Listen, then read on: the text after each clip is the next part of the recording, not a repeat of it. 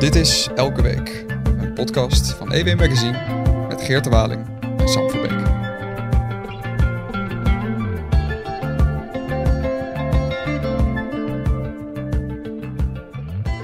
Hi Geerte, Hi Sam. hoe is het? Ja, uitstekend. Uh, heb jij ook al zo'n zin in uh, Koningsdag? Uh, nou, voor mij is Koningsdag is, is, is, ja, de afgelopen jaren een beetje hetzelfde geweest. Je trekt met een, met een rugzak vol drank de Jordaan in en daar Zie je, kom, je, kom je vrienden tegen? Knap. Ik dacht dat uh, je misschien wel met een kleedje eh, op de vrijmarkt uh, zit. met jij dacht spulletjes ik, van zolder. Jij ja. dacht dat ik viool ging spelen in het Vondelpark. Ja, ik zie jou over aan. Ja. Nee, nee, nee, nee, dat, heb ik, dat doe ik al een tijdje niet meer. We hebben, ehm, ik ga volgende week trouwens met Koningsdag ga ik naar Münster. Um, misschien dat we daar ook in de podcast nog even iets over kunnen vertellen volgende week of over twee weken. Maar ik ga naar een viering van Koningsdag uh, bij de honorair consul in Münster. En de reden dat ik daarheen ga is voor een reportage over 300 375 jaar Vrede van Münster. Die is in mei uh, 375 jaar geleden gesloten. En is eigenlijk uh, ja, waardoor Nederland definitief is ontstaan. Onafhankelijk is geworden na de 80-jarige oorlog. Dus, uh, maar er is ook een borrel en er worden heel veel Duitsers worden dan dronken met oranjebitter. dus ik, ik, ga daar, ik ga daar eens eventjes polshoogte nemen. Dus ik ontvlucht het land, maar niet helemaal het Koningsdaggevoel. Um, wij hebben hier aan tafel een gast van onze redactie, Gertjan van Schoonhoven. Geen vreemde. Welkom Gertjan. Dankjewel Geert. We hadden jou vorige keer al een keer over de verkiezingen, over de regio. Uh, vandaag gaat het iets meer over een stedelijk onderwerp. Maar uh, eerst even aan jou. Wat ga jij met Koningsdag doen? Uh, eerlijk gezegd weet ik nog niet helemaal, maar ik heb in mijn kelder, ik, ik zit een beetje in de fase dat mijn twee dochters het huis al uit zijn of het huis uitgaan. En dat betekent dat je een heleboel spullen in huis hebt. Waaronder, ik geloof, zes hamsterkooien. um, uh, die liggen ergens in de kelder. En uh, misschien ga ik die nog wel eens... Uh, ga ik die nooit volgende week donderdag verkopen. Dus je gaat cashen volgende week? ik, ga helemaal, ik ga helemaal binnenlopen, ja. En je gaat misschien het artikel lezen in EW Magazine van Pieter Verhoeven. de burgemeester van Gouda en de ja. voorzitter van de Bond van Koninklijke. Koninklijke Bond van Oranje Verenigingen. Ja.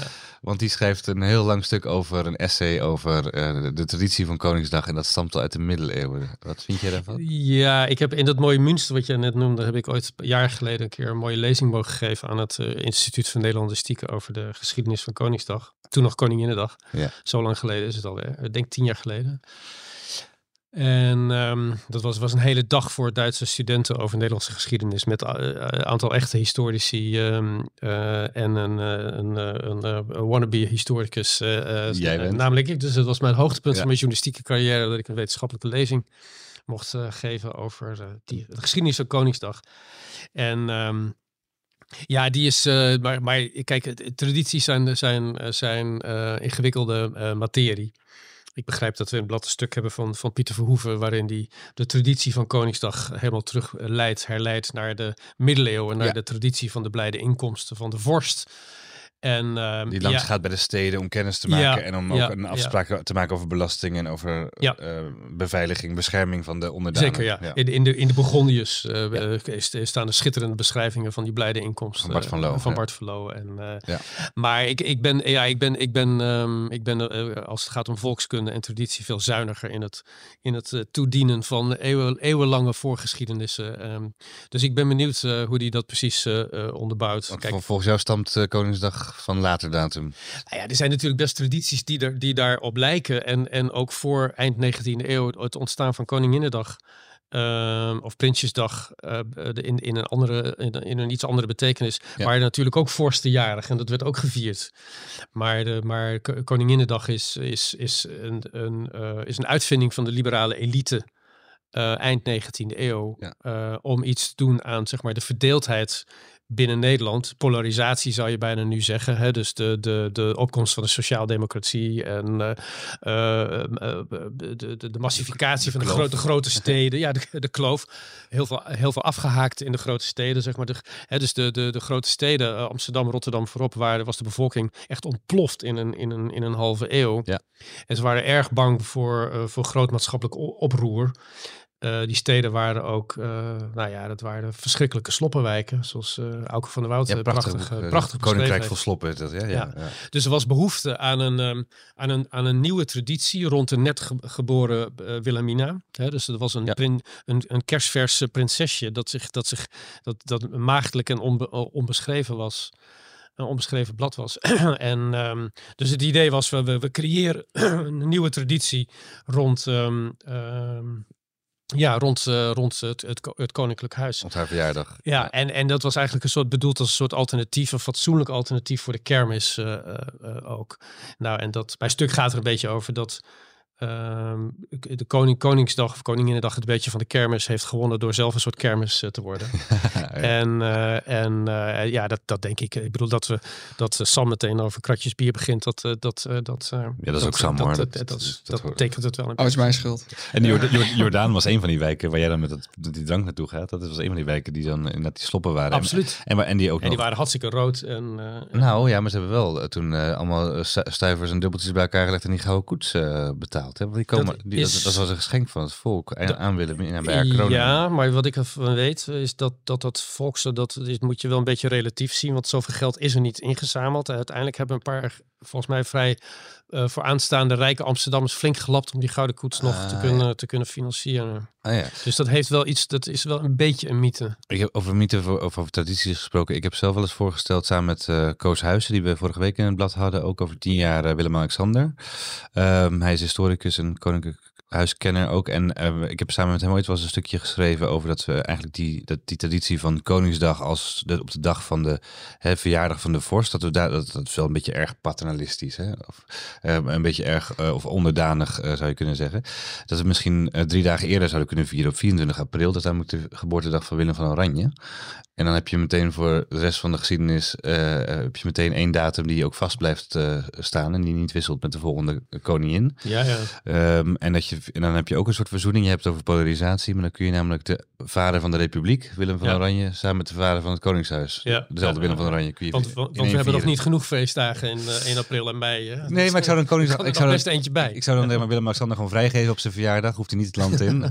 Kan hij gewoon lekker een taartje eten thuis op Paleis. Maar dan gewoon drie dagen eerder Koning, je hebt vrij. En dan, dan vier je Oranjedag. Oranjedag lijkt me hartstikke mooi. Goed, de koning komt dit jaar naar mijn stad, Rotterdam, ja. Rotterdam, als Ajax ziet. Is be- begrijp ik uit. eh, Ja, maar dus- Maxima was voor Feyenoord geloof ik. hè? Uiteraard, uiteraard. Daar zijn we blij mee. Ze moest het verdelen. Ik denk dat Ama- Amalia is voor PSV dan. eh. Eh, maar maar je gaat niet kijken dus. En wie is er dan voor Groningen eigenlijk? Ja, dat is tegenwoordig. De, de Groningers worden altijd, altijd, altijd kind van de rekening. Maar je gaat niet kijken naar de, naar de Koningsdag. Ja, ik kijk, ik kijk 's morgens wel, wel altijd eventjes. Ja. maar, maar ik ga niet de stad in. Je eh. gaat niet eh, naar Ik de- ga bij de marathon ook niet de stad in. Dus dat komt allemaal mooi op de televisie binnen. Dus eh, Ja. misschien dat ik in de loop van de dag, als het allemaal voorbij is, dat ik nog even gezellig ergens een biertje Overigens, eh, over, de, over de, de kermis de, die eh, Koningsdag inmiddels geworden is. Het gaat misschien ook nog wel over, over jouw, jouw column die je deze week geschreven hebt. Is het in ieder geval in Amsterdam, is het nu traditie dat mensen dus van uit heel het land en over de hele wereld naar Amsterdam komen om daar de elitaire grachtengordel letterlijk onder te zeiken. Hè? Ja. Ja. Dus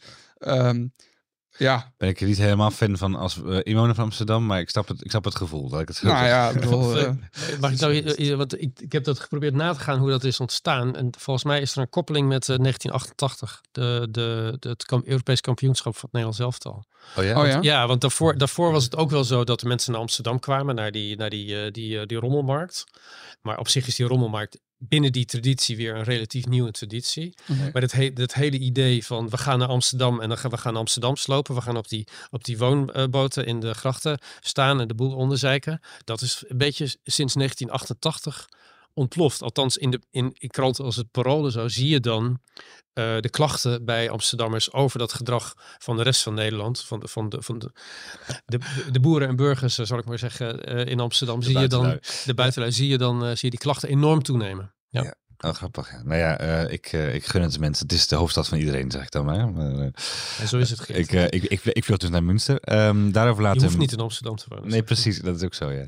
En daarover later meer. Maar eh, je, over wonen in de stad gesproken. Even een klein bruggetje naar jouw artikel deze week. en de reden waarom we jou hebben uitgenodigd in de podcast. Ehm, ja, die, eh, ik, eh, jij was een paar weken vertelde je op de redactie, ben bezig met een verhaal over happy singles. En ik dacht, ben je dan allerlei dating apps aan het proberen? Ben je dan eh, aan het kijken hoe, hoe happy single, happy, happy singles daten of ehm, eh, de liefde zoeken? Nee, dat is het niet. Het verhaal staat nu deze week in het blad. Het is prachtig geworden. lang stuk. De kwetsbare happy single. Ja.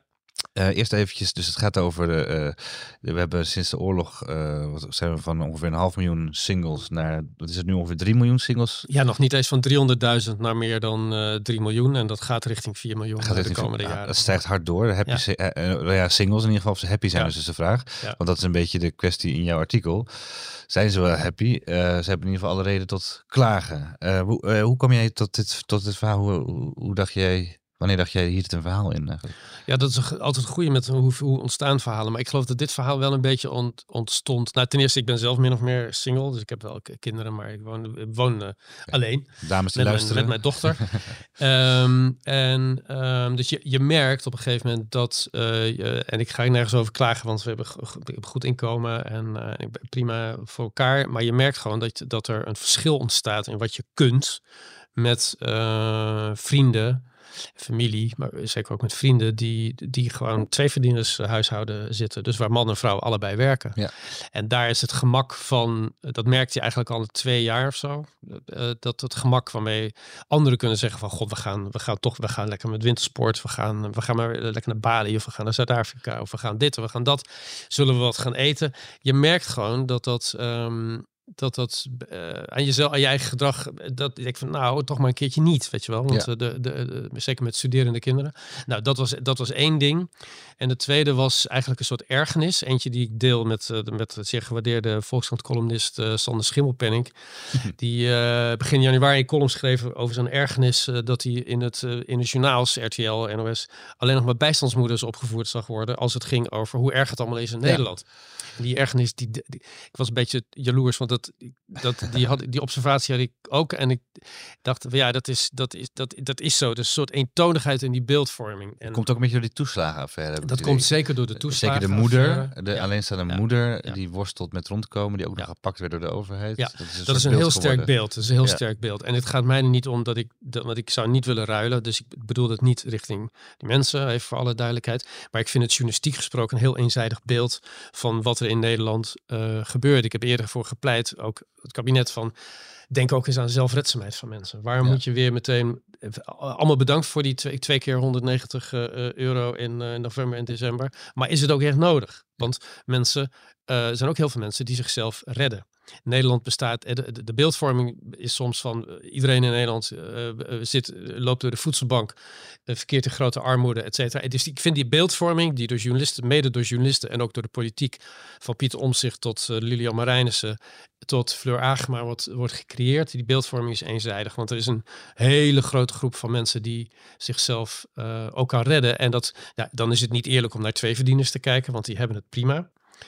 Uh, nog steeds, ondanks de crisis. Dit blijkt gewoon uit het Nibud-onderzoek zo. Er speelt wel wat, maar dat zijn echt hele kleine clubjes. En voor ze, als ze moeten bezuinigen, redden ze zichzelf. Ja. Er is een recent Nibud-onderzoek gedaan, waar ik geloof één op de vijf van die twee verdiener huishoudens zegt van ja, ik gaf ook te veel geld uit. Ja, nou ja, dat vind ik dus niet. Dat vind ik dus niet voedselbankmateriaal. Maar, dat in de, maar in, in, de, in, de, in de. Dus mensen redden zichzelf vaak wel. En, um, ja. en, ik, en ik wilde weten hoe dat nou zat bij de singles. Dus dan niet per se bij de bijstandsmoeders, maar dus de alleenstaande mannen en vrouwen die, die een baan hebben, die ook kinderen kunnen hebben. Hoe tikte die crisis, die energieprijzen, de inflatie, supermarkt, et cetera, hoe tikt het daar aan? En hoe redden ze zich? En um, uh, dat heb ik geprobeerd uit te zoeken op basis van de, de ja, cijfers en uh, ook van gesprekken met een aantal, uh, aantal mensen. Ja. En dit, dit over de singles, dit, dit is voornamelijk dan wel een grootstedelijk verschijnsel. Dat, dat is groot, niet, niet per se, maar ik, kijk, je moet zo'n verhaal concentreren. En um, die, die, het is ook relevant om het voor de steden uit te zoeken, omdat uh, die, die, uh, die groep van singles, van de twintigers en dertigers en juist van 50, 60 plus, want die keren weer terug. Meestal na een scheiding gaan die weer vaak weer terug naar de stad. Dus die twee groepen, jonge singles en oudere singles, zijn heel dominant in de bevolkingsopbouw van de grote stad. Dus, ja. dus meer, meer, meer dan de helft, rond de helft van de huishoudens in de grote steden bestaat het uh, uit huishoudens met één verdienende persoon. Dus het zijn of alleenstaande of eens uh, eenverdieners uh, uh, gezinnen. Dus dat betekent dat voor de, de financiële draagkracht van de grote stad is de positie van singles heel relevant. Ja. En het, wat mij opvalt, in, ook in de voorbereiding en wat ik allemaal ge- over gelezen heb, als het gaat over singles, gaat het vaak eh, over singles in culturele zin. Namelijk dat dat, dat is een beetje de, de, het huishouden van de toekomst. Mensen willen zich niet meer voor goed binden. Weet je, allemaal een soort immateriële verhalen, wat ook heel nuttig is. Eh, maar over de materiële positie van singles lees je eigenlijk heel weinig. Behalve dan over de bijstandsmoeders. En dat, ja, dat is een groep van, heb ik berekend, en misschien heb ik het niet goed gedaan, maar ik kom op iets van 70.000 eh, mensen. Eh, en ja, dat, dat, dat, is natuurlijk, dat is natuurlijk niet niks. Maar verhoudingsgewijs is er een veel grotere groep van, eh, van, eh, van, van alleenstaan. En dan is het interessant, redden die het of redden die het, redden die het niet? Nou ja, en je beschrijft dus ook op basis van gesprekken inderdaad met happy singles, dat je toch, of nou niet happy singles, met singles, dat je dat in alle leeftijden, dat is ook een vrouw van in de 50 bij, Ja. geloof ik, wat jongere mensen, dat die bijvoorbeeld ja, toch echt wel lastig hebben om, nou ja, die douchen, douchen op de sportschool bijvoorbeeld in Ja. plaats van thuis, om eh, energiekosten te besparen, die eh, Netflix of eh, andere abonnementen de deur uit hebben gedaan. Of gaan delen. Of gaan delen met elkaar.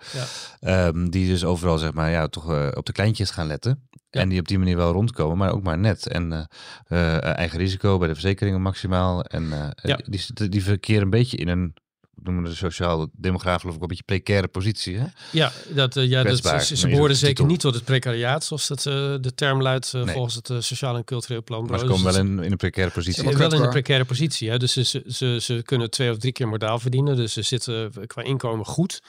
Ehm, maar, ehm, en ze redden zich ook wel. Ze gaan ook helemaal niet van, van honger dood. Dus in die, ze lopen ook niet bij de voedselbank. Dus in Nee. die zin is het niet ehm, zielig. Maar het is wel zo dat hun lifestyle, en daar was ik eigenlijk van nou, het meest nieuwsgierig naar. Eh, want je, je, je, je zit als single in de grote stad vanwege de urbane, cosmopolitische, Ja. interessante lifestyle. Lekker uit eten, film, et cetera. Kom daar, eh, wordt dat nu bedreigd door, eh, doordat je moet bezuinigen? Nou, dat is dus eigenlijk wel een beetje zo, ja. Ja, dus mensen schrappen heel veel ehm, eh, luxe dingen in hun, in hun uitgavenpatroon. Dat blijkt ook te kunnen. Eh, ik sprak, ehm, sorry, eh, eh, een budgetcoach, Melina, die zich specifiek richt op deze doelgroep. Jonge vrouwen met twee, drie keer modaal. Eh, die in de problemen komen omdat ze gewoon veel te veel geld uitgaven. Er zaten Ja. mensen bij die. Ze heeft daar mensen op haar bij, bij cursussen die 1000 euro in de maand aan, eh, aan eh, ma- eh, afhaalmaaltijden of bezorgmaaltijden eh, uitgaven. Zo. Ze wer- ze werken op de Zuidas. Ja. Eh, Kunnen het, kunnen het ook keihard werken, kunnen het. Ja, maar kwamen dus in de problemen Toch, omdat ja. het allemaal niet meer kon. En, en dat is ook een groep die vaak dat uitgaven, dat consumptiepatroon, dat zeker hedonisme, ziet als een beloning voor het harde werken. Ja. En die hebben dan vaak heel moeilijk om, da, om daar eh, ehm, op te bezuinigen, omdat dat, ja, dan, dat, dat doet echt serieus af aan dat fijne cosmopolitische gevoel in die, in die grote stad. Dus ik vond het, ik bedoel, ik ben er was er niet op uit om uh, ellendeverhalen en, ziel, en mensen zielig te maken, maar gewoon een interessant beeld te geven van een lifestyle in tijden van crisis. Die bovendien ook iets zegt over de, hè, de, de kwetsbaarheid van die zogenaamde happy single. Iemand die ik voor het verhaal zag, sprak, die zei van de happy singles bestaan helemaal niet. Er bestaan alleen maar unhappy singles. maar, het is, maar, het is, maar het is wel een soort begrip dat leeft. Um, er zit vaak een bewuste keuze in. Dat is een beetje het happy ja. uh, element. Maar de, de, hun kwetsbare positie, financieel gesproken, is, zegt ook iets over de kwetsbaarheid van de, de, de financiële basis van de, van de grote stad. En over die gro grote stad gesproken. Um, kijk, jij houdt houd je ook veel bezig met uh, onderwerpen zoals bevolkingsgroei. Als je uh, ervoor kiest om alleenstaand te blijven, dan neem je eigenlijk ook wat meer ruimte in. In hoeverre heeft dat in grote steden als Amsterdam en Utrecht dan zet dat een druk op die, op die woningmarkt? Nou, vrij substantieel. Kijk, de, de, uh, waar je het meest over leest in die cijfers van de, over de bevolkingsgroei is dat dat door migratie wordt, immigratie wordt veroorzaakt. Dat is ook zo. Dat is verweg het overgrootste gedeelte. Maar ik zeg uit mijn hoofd iets van, de, iets van 20% van die, die, die zogenaamde woningnood uh, in Nederland, die natuurlijk een kwalitatieve woningnood is in, sterke mate. Um, iets van 20% daarvan wordt, wordt veroorzaakt door wat huishoudensverdunning wordt genoemd. Ja. He, dus dus um, um, hoe meer singles op een, op een woningmarkt, hoe meer... Uh, kopers. Ja, hoe, meer, hoe meer kopers, hoe meer behoefte er is aan aparte ruimtes. Het is veel efficiënter als die mensen gaan samenwonen. Ja, en, En, maar daar kun je ze bijna niet toe dwingen. Bovendien is het... Sorry. Ja. ja, ik moest denken aan het fragment, dat noem je ook in het stuk eh, waarin eh, Hugo de Jonge laatst zo in, in opspraak kwam. Ja. Toen een jonge, jonge dame zei van, eh, hè, eh, ik kan eh, momenteel niet eens in mijn eentje een huis kopen. Ja. En hij toen zei van, eh, heb je al gedacht over een rijke vriend? Ja. Wat een, eh, ja, Ja. zeker in ieder geval. Zo ging dat in de jaren 50. eh. Ja, het is gewoon- Je sprak even, je sprak even de splijtjeslucht. eh. ja, hè, minister De Jonge die, die voelde eventjes de, de tijdgeest niet aan. Maar maar rationeel gesproken heeft hij gelijk. hè. heeft hij gewoon punt. gesproken heeft hij gelijk, ja. Ja, Ja, maar, maar het punt is wel, en dat zegt bijvoorbeeld Jan Latte, eh, de demograaf eh, in, dit, in dit stuk ook, de, de hele, de- hoe, we ons, hoe onze samenleving in elkaar zit, onze hele verzorgingsstaat, stimuleert het alleen wonen. Ja. Ja, dus de, die bijstandsmoeders of andere singles die afhankelijk zijn van een uitkering, die als die zouden besluiten om te gaan samenwonen, worden ze financieel meteen afgestraft. Ja, bijstandsmoeders wel. En je hebt, Ja. je, hebt, je, je, hebt het, je noemt even de, de samenwoonbelasting, of hoe heet het ook weer? De, de, de, de boetes. Of de boete, maar ja. dat, is- dat betekent dus omdat je als je meer persoonshuishouden bent, dan betaal je meer over, maar betaal je meer belasting. Ja, en je hebt minder, minder toeslagen. En, aan de andere kant, Gert-Jan, is het ook zo, een beetje tegenstrijdig. Want als je gaat samenwonen, heb je ook, dan deel je heel veel kosten ook. Dus, Ja, hoe die rekensom uit, precies uitpakt, dat is, dat is niet altijd. ehm eh, hè, dus mensen, als je allebei verdient en je woont samen, dan heb je dus prettiger. Daar begonnen we eigenlijk het gesprek dat, mee. dat, dat zou. Maar ik weet niet vanaf welk inkomensniveau dat precies geldt. Oh ja. Hè, want je, dat is ook wat Latte zegt het vrij voorzichtig in dit stuk. Je, je, als je een, een single bent met een uitkering en je vindt een verdienende partner, dan op het moment dat je moet beslissen, weet je eigenlijk niet precies hoe dat gaat uitpakken. Het is Nee. een beetje een tombola. Dus in die- in die zin zou, zou Hugo de Jonge, maar goed, het over die, die, over die, ehm, die, eh, die, die, die, die perverse prikkels in ons uitkeringsstelsel eh, is natuurlijk al veel gezegd en, eh, en geschreven. Daar ging dit stuk niet over. Maar dat kom je hier dus ook weer, Ja. ook weer, ook weer tegen. Ik moest even lachen om die tweet van Suzette Shams de, na de verkiezingen toen hij klaagde, Hugo de Jonge, over het lage aantal zetels. Met op Twitter heb je al gedacht aan een vrouw met, met meer zetels. Ja, ja, ja, die was wel geestig. Dat is heel goed. Maar ehm, ehm, eh, dat, eh, Jan Latte die heeft het ook over, dus die... eh die overigens eh, Jan Latte, hoofddemograaf van het... eh, voormalig... ja. Voormalig hoofd- hoofddemograaf van het Centraal Bureau van de Statistiek. Ja, die nu ook voor, eh, voor, eh, voor EB... eh, Ja, en, zijn- en, en voorstander van een overheid. Hè? Dus hij is een beetje, hij is geen, hij is niet een man die zeg maar aan de kant van Hugo de Jonge staat in dat opzicht. Dus hij is voorstander van een overheid die ook rekening houdt met deze demografische Dat ontwikkeling. wil ik vragen, want hij, hij stelt daar iets eh, over voor. En ik weet niet meer precies wat hij erover zegt, maar dat kun jij vast uh, samenvatten. Maar over die woningmarkt, hoe, dan, hoe kan de overheid dan zeg maar, daar meer op inspelen om te zorgen dat die Ja, ja, ik, dat ik, dat ik, meer kwam aansluit het, ik kwam het in dit verhaal ook tegen. Ik, ik sprak een, eh, eh, een single die, eh, een leuke gast die naar Bali was uitgeweken. Omdat hij daar gewoon op levensonderhoud 500, 600 euro per maand eh, kon besparen. Ja, en, Lucas, ook, en, Ja. ja. en, eh, en Lucas, en die konden daar ook wat ondernemen. En met het geld dat hij bespaarde, eh, kon hij zeg maar een toekomst opbouwen in Amsterdam. Dus dat geld kon hij opzij zetten. Hij kon wat investeren. En hij hoopte dus over twee of drie jaar dat huis te kunnen kopen in, eh, in Amsterdam. Buiten de ring natuurlijk. En binnen de ring kan je het schudden.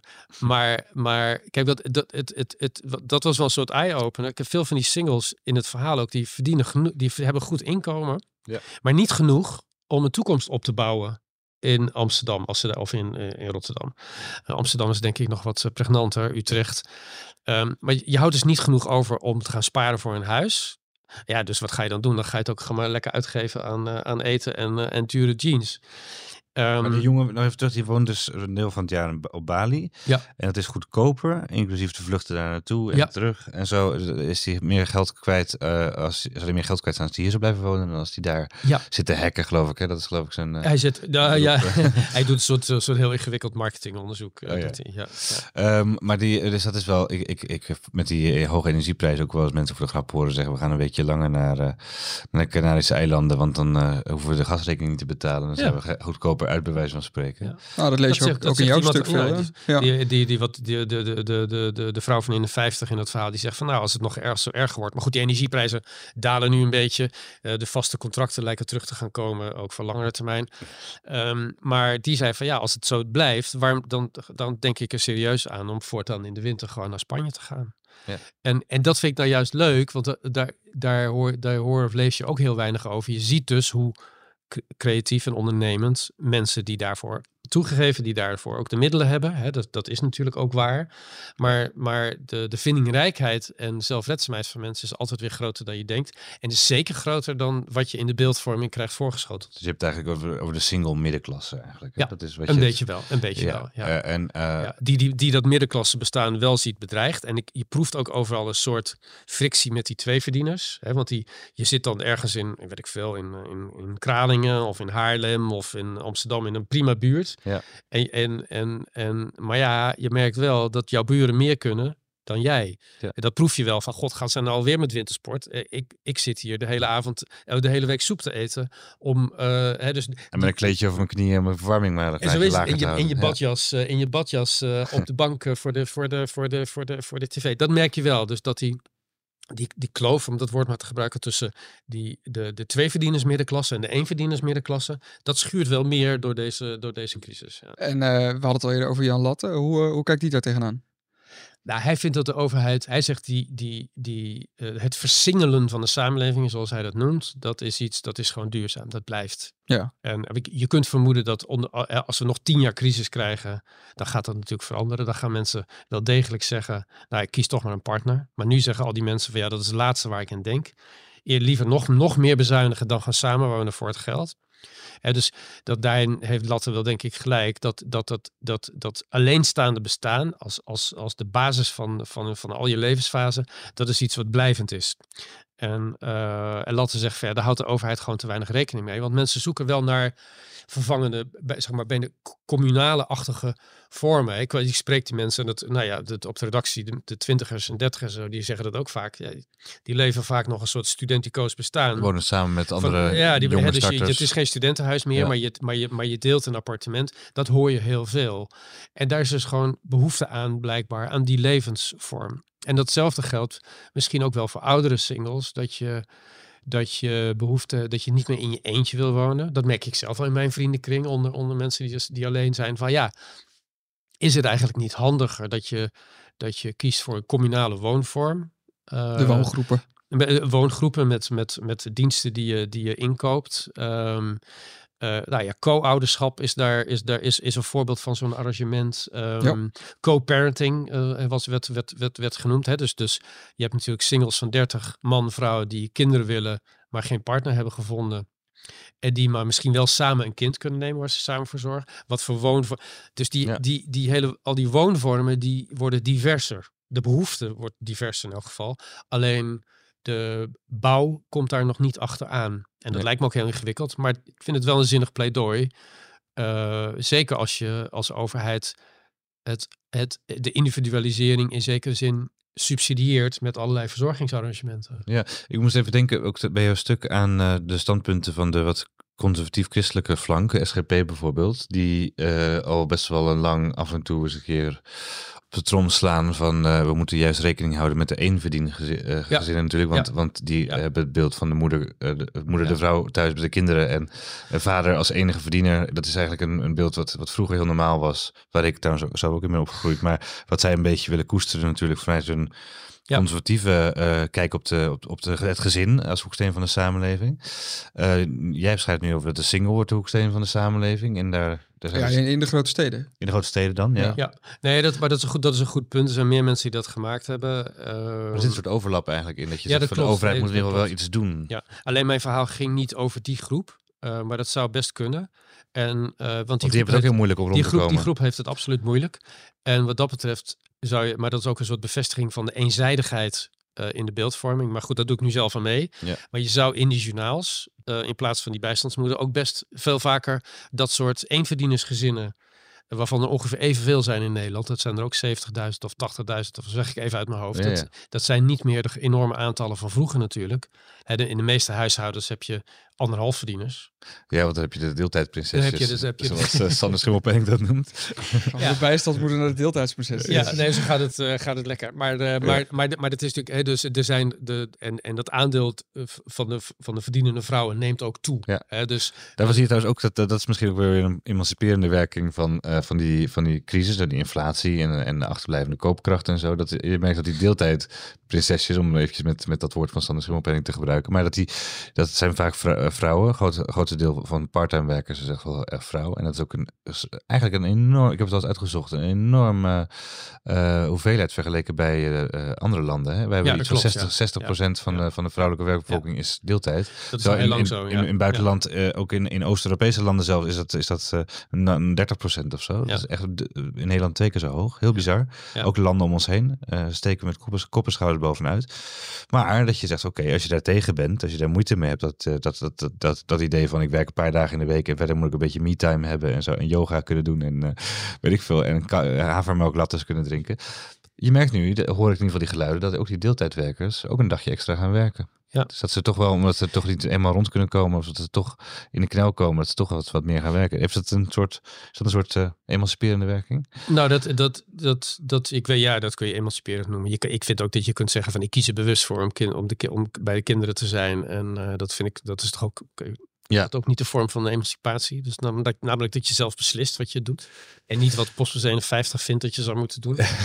maar, ehm, We hebben het zo ehm, meteen nog even over met mijn column deze week. Is Ja. misschien wel- Precies. Ja. Nee, ehm, maar ja, dat, dat zou ik, dat- als je dat zo noemt, dan is dat zo. Mm, eh, eh, emancip- eh, em- emancipatorenwerking. Maar wat ik er vooral als amateur-socioloog zo interessant aan vind, is dat, is dat mensen vinden, denken vaak dat ze eigen keuzes maken. hè. Dat ze zijn Ja. autonoom, onafhankelijk, bla bla bla.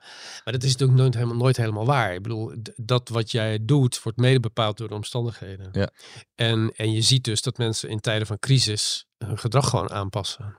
Ja. En, eh, en, en dat, vind- dat vind ik al interessant. Zonder waardeoordeel. Nou, je vind ik het je- interessant om te zien. En jouw stuk is ook wel een beetje, nou, een ode is dan overdreven, maar het is wel even, je, le- je licht wel even uit hoe, eh, hoe deze singles eh, creatief zijn, zoals je al Ja. zei. Hoe ze eigenlijk tussen de, de tering naar de nering weten Ja. te zetten. Ja, en dat want het, en dat niet dus, alleen klein geld, hè, ook echt serieus groot geld. Dus, en dat het dus ook niet allemaal klagende eenverdieners zijn. Zo is het. Dat, eh, want eh, het- dat vond ik ook wel interessant. Wat, eh, wat in jouw stuk nog staat, dat Jan Latte zegt. Dat hij ook zegt van ja, je moet ook niet zoveel klagen. Hè? Als, je, als jij in je eentje een, eh, een, eh, een taxi eh, bestelt, dan het ritje evenveel als wanneer je met z'n drie op de achterbank gaat zitten. Ja, Hij zegt, hij zegt, vrijheid heeft een prijs. Ja. Ja. En, eh, en dat, dat, maar dat slaat een beetje over het type klagende singles dat niet in dit stuk zit. nee, Maar dat die mensen, de, de, dus de mensen die het oneerlijk vinden dat zij geen huis kunnen kopen. En die mensen die met z'n tweeën zijn, hun tweeën zijn wel. En Ja. dat is, die die oneerlijkheid vind ik niet helemaal eh, onterecht. Want ehm, je merkt in alle gesprekken ook wel dat er een verschil ontstaat, zeker in de grote steden, tussen mensen die ouders met geld hebben en mensen die geen ouders met geld Ja. hebben. Want ja, het is wel makkelijker om dat eh, appartementje buiten de ring, zelfs dat appartementje buiten de ring in Amsterdam, te kopen met, eh, met eh, zelfs de jubelton is afgeschaft, maar dan nog heb je, heb je natuurlijk ouders die, Ja. die hun kind kunnen, kunnen helpen. Ja, dat is wel een vorm van, van sociale ongelijkheid. ja. Is er, zit er, dat dacht ik ook nog bij jouw stuk, nog een vervolg in om over echt oudere singles te praten. Je hebt natuurlijk, dat gaat weer in jouw eh, geval gaat om werkende bevolking in dit, in dit artikel. Maar je hebt natuurlijk ook, als het gaat om de woningmarkt, eh, een, met de vergrijzing, een, een best wel groot aantal, aantal, ouderen die sowieso zonder kinderen in een eh, te groot huis wonen, zal ik maar even bevoogdend zeggen. en die eh, ook wel, misschien ook wel weduw eh, of weduwnaar raken. Ehm, of anderszins single raken op oudere leeftijd. En die, en die tegelijkertijd ook vereenzamen en misschien behoefte hebben aan, aan samenwonen. Ehm, en, en- maar die ook best wel druk op de Met, woningmarkt. een, eh, met, eh, een, met een jongere woningzoekende bedoel je? Nou, dat zou kunnen. Matching. eh, dat zou kunnen. Of, of ook in communale woongroepen. Heb- Ehm, er zit wel iets in, denk ik. ik heb in mijn, Ah, ja, in mijn studententijd heb ik eh, als bijbaantje heb ik, dat ik ging schoonmaken bij, eh, bij oude mensen. Toen woonde ik eh, in het souterrain van een kapsalon eh, in Amsterdam-Zuid. En dan kwam ik bij, eh, bij omaatjes, kwam ik al langs. Die hadden woningen, vijf slaapkamers. Ja, slaapkamers. in En Oud-Zuid dan kwam ik dan ja. stofzuigen. dacht ik, stofzuigen meer bij jou dan bij mij. ja, dat was heel gek. Ja. Dat was heel gek. Maar dat is wel een probleem. Ik heb ook wel eens gezegd tegen vrienden, vriendinnen die eh, zeker in de studentenfase of net daarna die een eh, goedkope of een betaalbare, het is niet goedkoop, maar een betaalbare plekje zoeken. Ga naar Amsterdam Zuid, hang bij alle Albert Heijns briefjes op. En het geldt ook in Kralingen, denk ik, en eh, een paar andere rijke bu- buurten van Nederland. hang briefjes. In Den Haag heb je ook heel veel van dat soort grote herenhuizen die bewoond worden door één of twee oudjes. En hang briefjes op van zegt dat je gewoon een, een betrouwbare en gezellige huisgenoot bent. Dan kun je zo een hele zolderverdieping betrekken. Dat is echt voor, eh, als je zelf de boodschappen doet voor, eh, voor oma, dan is het eh, al lang wel goed. En jullie film When Harry Met Sally, dat is uh, leuk. ja, ja, ja. ja. Er zit een goede grap in van, hoe heet die, Billy Crystal, dat uh, er onder rouwadvertenties eigenlijk zou moeten staan, laat een driekamer appartement achter. ja. Maar, ja. Um, um, ja. Ja, jij hebt nog een mooie column geschreven. Zeker. Dat, uh, even een kleine toegifte naar het uh, mooie verhaal van Gert-Jan. Uh, lees het allemaal in, in EW Magazine deze week. Um, maar ik heb een column geschreven. Ik was ook wel benieuwd wat Gert-Jan daarover dacht. Dus, dat kunnen we even de transitie maken? Het heeft iets te maken. Je noemde net al dat wat, wat Postbus 51 zegt dat, dat je moet vinden. dat, er, dat er bepaalde ideeën zijn die worden algemeen geaccepteerd, aanvaard in de politiek bijvoorbeeld vooral in de politiek en uh, in het publieke debat ook wel, uh, die, uh, die eigenlijk heel, heel specifiek zijn. Dus een beetje vaag verhaal, maar denk aan het klimaat, CO2 beperken, denk aan stikstof terugbrengen, maar denk ook aan bijvoorbeeld diversiteit en inclusie, meer woke gedachten. Die zijn allemaal van die ideeën die bijna worden aanvaard als er is geen alternatief. Het kan niet anders. Tina, there's no alternative. Hè? En ik heb in mijn column geschreven dat het eigenlijk levensgevaarlijk is, omdat je daarmee uh, ja, echt wel de angel uit de democratie haalt. Um, omdat je eigenlijk een hele grote set aan ideeën buiten de orde plaatst, buiten, buiten debat plaatst. Um, en andere tegenstrijdige meningen, bijvoorbeeld mensen die vinden dat het dat je iets anders moet doen met het milieu of met het klimaat. Of die, dat, er, dat er nog andere argumenten zijn om, uh, om bijvoorbeeld niet uh, uh, 30, 30, miljard aan stikstofreductie te besteden.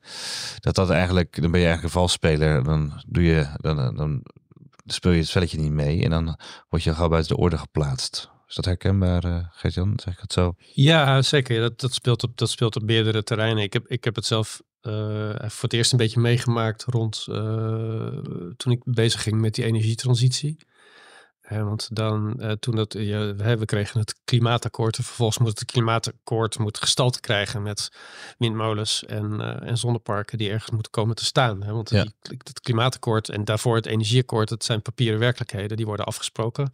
Vaak in, in transnationaal verband. Dus niet per se. Den Haag is ook maar weer een stadium in een ja. hele besluitvormingsprocedure. En dan worden al die dingen worden concreet. En dan, dan, bestaat, dan begint het gesodemieter. En, um, en ik merkte dat uh, toen ik daarmee bezig was, dat, dat, dat de vraag was bij, bij mensen die, die daarover hoorden: van ja, maar waar kan ik nou terecht eigenlijk? Bij, bij, ja. bij wie moet ik nu bezwaar maken tegen, tegen, al die, uh, tegen dat klimaatakkoord? Dat is heel ingewikkeld. Nou, ik, ik, mijn conclusie toen was van ja, daar hebben we een gemeenteraad voor. En daar hebben we provinciale staten. Uh, nou, nou, dat blijkt nu wel, ja. En dat is, nu, dus, dat is nu de vraag hoe dat, of je daar ook gelijk in krijgt. Want uh, wat er nu gaat gebeuren met de formaties. Het is wel de, razend interessant. in de provincies en uh, de BBB, uh, die het grootste is in alle provincies. Nou, en je noemde even de postbus 51 van dat, dat het misschien wel emancipatie kan zijn als je juist als moeder voor je kind gaat zorgen in plaats van dat je per se moet werken en zo. dat, ik, ik haal in mijn column haal ik Paul Frisse aan. Die heeft een heel mooi interview gegeven in CDV, de Christen-Democratische Verkenningen. Dat is een blad geleerd aan het CDA. Lijkt me een goede plek ook om even een paar scherpe een paar harde noten te kraken, wat hij ook doet in dat interview. En hij zegt ook van ja, de elite heeft het idee van uh, dat, de, dat het gewone volk maar moet emanciperen. En is dan verbijsterd dat het gewone volk weigert te emanciperen.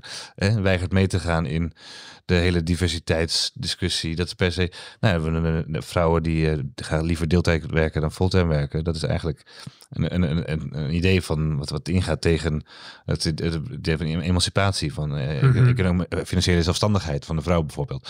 Um, hij noemde ook uh, uh, dat de discussie rondom die regenboogarmband van uh, Kukcu, de, love, de aanvoerder van armband van, van de aanvoerder van Feyenoord. Ja. Um, en hij zegt, ja, je hebt het eigenlijk diversiteit en inclusie. Dat is dan wordt dan als één begrip een paar genoemd. En er wordt er heel veel. Je hebt de diversity officers en je hebt allerlei regels en, en, en controlesystemen en subsidies. Om maar te bevorderen. Nu ook weer in de kunsten wordt het. Gaat de cultuur, Raad voor Cultuur gaat allerlei.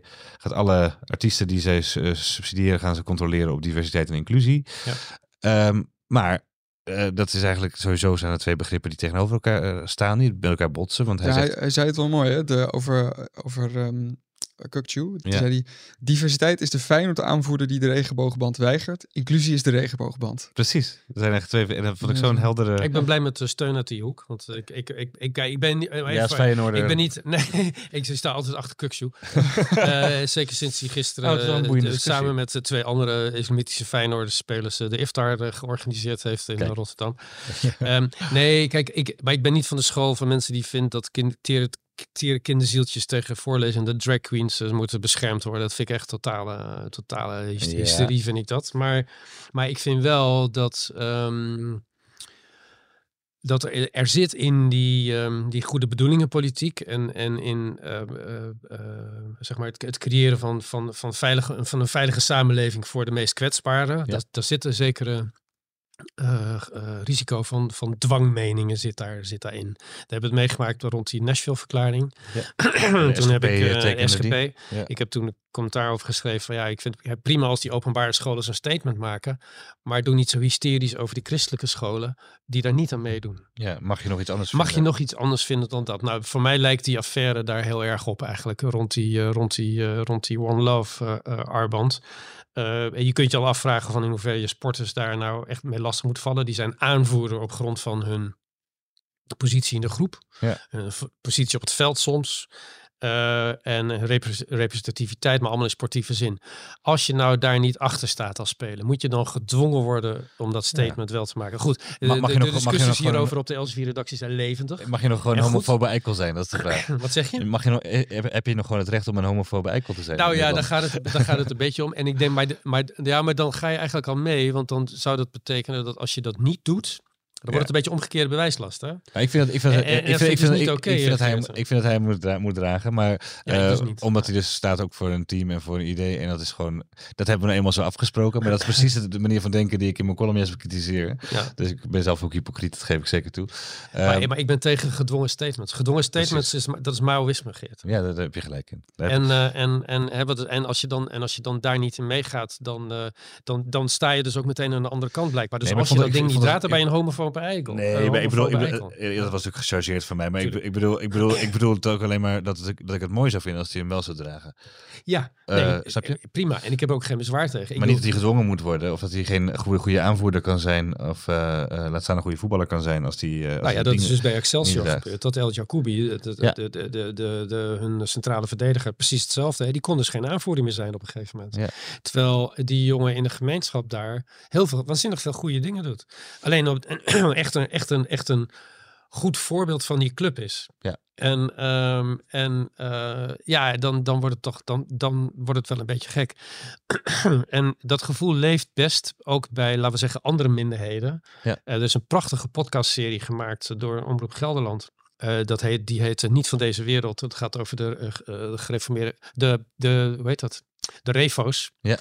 En ja, die maken zich, dat, is- dat is een terugkerend element, die, die, die, die zeggen daarin echt letterlijk, dat is een predikant die dat zegt, van nou, ik, ga, ik, hou, ik hou er rekening mee dat wij over tien jaar voor de rechter zullen moeten komen om die dingen die wij vinden. En dat we dan veroordeeld zullen worden. Ja, precies. ik heb altijd dat weet ik niet, dat is allemaal, je kan zeggen, Nee, dat is de angst natuurlijk. nee, Dat- angst. Misschien is dat 20 jaar. die, daar leeft Het gaat wel die kant op. Ja. en dus daar leeft, en, en dat is dan een beetje die, de, het polaire van deze hele discussie. Hè? Dus, eh, dus aan de ene kant hebben we de, de, de, eh, ja, de, de, de LHBTI-gemeenschap die, eh, die er op de voorgrond staat. Ja. In, in, in zijn, slash haar, hen eh, emancipatie. Mhm. Aan de andere kant hebben we onze eigen minderheden van vroeger die zeggen van ja, maar wij hebben het idee dat we niet meer mogen zijn wie we zijn. Dat is toch. Ik, ik ben liberaal in die zin dat Ja. ik vind dat het allebei eh, eh, dat het, het bestaansrecht en de autonomie van beide Ja. eh, vanzelfsprekend zou moeten zijn. Ik vond trouwens ook in dat geval, daar zou je het misschien ook niet met me eens zijn, dat bijvoorbeeld weigerambtenaren, die discussie hebben we nu al een paar jaar niet meer gehad, maar je had er nog een, een groep ambtenaren die eh, weigerden een eh, homohuwelijk te, te, te tekenen. Dat vond ik dan wel een fout en in dezelfde hem nog, eh, dat vond ik er wel eigenlijk niet kunnen, omdat je als ambtenaar niet je persoonlijke ideeën uh, ruimte moet geven, maar dat je gewoon uh, na, namens de overheid een burgerlijk huwelijk tekent, wat gewoon in de wet legaal is. Homohuwelijk was, was ingevoerd, vanuit nou openstelling van het huwelijk. Maar mensen hadden ook een andere ambtenaar kunnen kiezen. Hè? Nou ja, precies. dan heb je dus het principiële pragmatische argument. Maar ik zou niet zeggen dat, dus puur vanuit de functie zou ik zeggen, die weigerambtenaren moeten dan maar niet ambtenaar willen zijn. Maar uh, de, de, de, vraag is in brede zin, mag je het nog vinden? Of uh, wordt het leven je onmogelijk gemaakt als je onwen, ongewenste, volgens bepaalde Postbus 51 elite, uh, onwen, onwenselijke ideeën hebt? En daar gaat het wel, ik snap die, die, die refo's die je net noemde, snap ik wel, dat ze bang zijn voor um, ja, een, de groupthink die eruit gaat van, we hebben het zo niet afgesproken met elkaar. Deze, dat moeten we toch niet willen met z'n allen. Hè? meer diversiteit en inclusie. Frans Timmermans die met uh, schuim op de, op, de, op de lippen staat te schreeuwen: Europe shall be diverse or Europe shall not be. Zo weet je, ik, uh, dat, dat, dat, daar krijg ik rillingen van. Dat is Maoïsme volgens mij ook. Ja, dat, dat, dat, dat, dat, de, de, ja de, de, de, de, het risico ervan is dat dat, dat het zo dwingend wordt dat er geen uitzonderingen meer op mogelijk zijn. En dat lijkt, ja. me, dat lijkt me zeker in een land vol minderheden wat wij, wat wij zijn. en, en, en het is al lastig, best lastig om, die, om die, dat allemaal goed naast elkaar te laten, te laten bestaan. Ja, als, dat, als, als, als, als sommige minderheden uh, uh, heiliger zijn dan andere minderheden, dan, dan vind ik dat het, dat het een slechte ontwikkeling is. Ja, ja ik, ik haal die Paul Frisse dus aan, die ik net al noemde. Die is hoogleraar bestuurskunde in Tilburg, heeft een boek geschreven, De Integrale Staat. En ik denk dat ik in mijn volgende column daar nog verder op inga, omdat ik het wel zo boeiend vond. hij, maar hij zegt hierover, ook in dat interview in CDV, dat de staat eigenlijk in de verzuiling, heb je de democratische rechtsstaat altijd als een neutrale factor gehad. En daarbinnen verschilden natuurlijk mensen van mening naar gelang hun vooral naar lang hun zeil. Of je nou protestants, katholiek, ja. Eh, sociaal-democratisch of liberaal was. Um, en hij ziet eigenlijk onder invloed van die, je zou ook die hoogopgeleide elite, die diploma-democratie kunnen noemen, eigenlijk uh, wat andere bestuurskundigen wel zo genoemd hebben. Uh, hij ziet die een soort, een, die, die staat wordt steeds minder neutraal, die verliest neutraliteit. Er wordt eigenlijk, wordt dat een, een, een, een ideologisch geladen staat.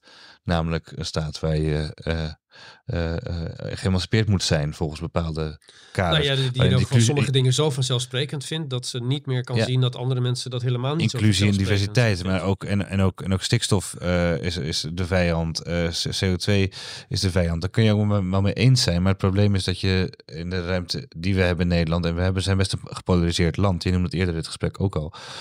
Uh, dat je best eigenlijk die, wat in de 19e eeuw al met, met Koningsdag noemde je dat al, dat eigenlijk die, die polarisatie opgelost kan worden in een neutraal ter, op een neutraal terrein, in de politieke arena, in de Tweede Kamer, en in de gemeenteraad en de provinciale staten, maar ook in de media.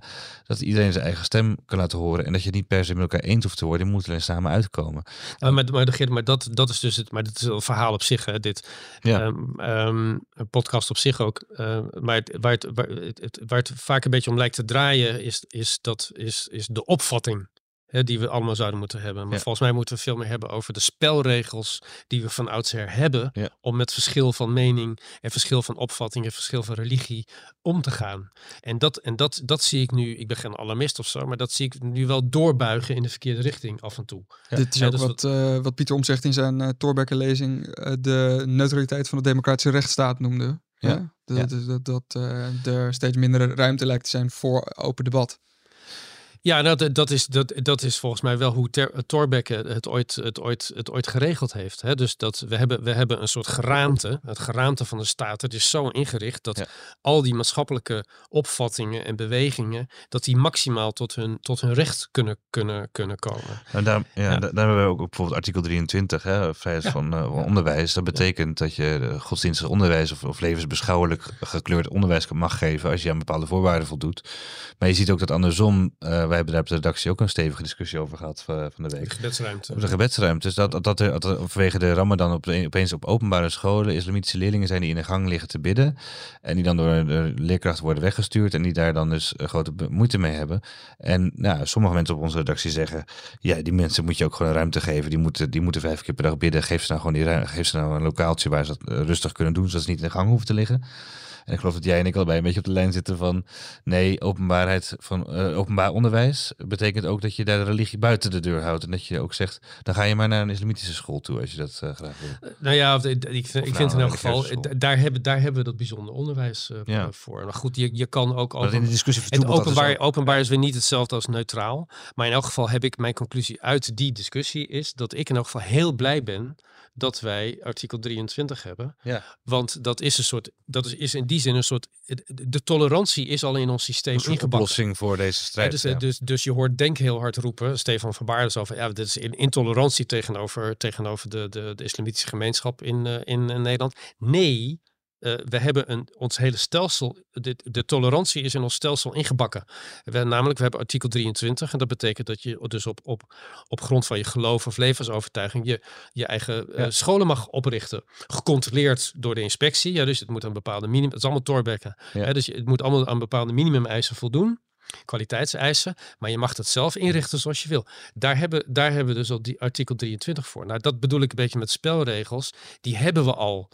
En ja, dus er is ook onder, onder liberalen altijd een vrij sterke stroming geweest om dat artikel 23 uh, eh, af te schaffen. Heb ik ook wel eens voor gepleit, ja. Ja, Nee, ik niet. ben er altijd tegen geweest. Maar, dat snap ik. Nu want, want, ja, maar, ja. want nu, stel dat je dat niet zou hebben, dan zou je dus ook tegen de, de, de, de ouders die zeggen van, ja, wij willen dat ons kind in de gang moet kunnen binden. Dus kan je niet zeggen, eh, daarvoor hebben we het bijzonder onderwijs. En dan heb je dus ja, dan heb je dus, om het maar even plat te zeggen, dan heb je dat in het openbaar onderwijs. En dat lijkt me, dat lijkt me dan toch niet wenselijk. Dus juist om de spelregels duidelijk te hebben. Ja, die vrijheid van godsdienst is natuurlijk niet echt Torbeck is later gekomen. Want Torbeck heeft geloof ik nog het openbaar onderwijs uh, uh, was leidend hè, tot, tot de schoolstrijd.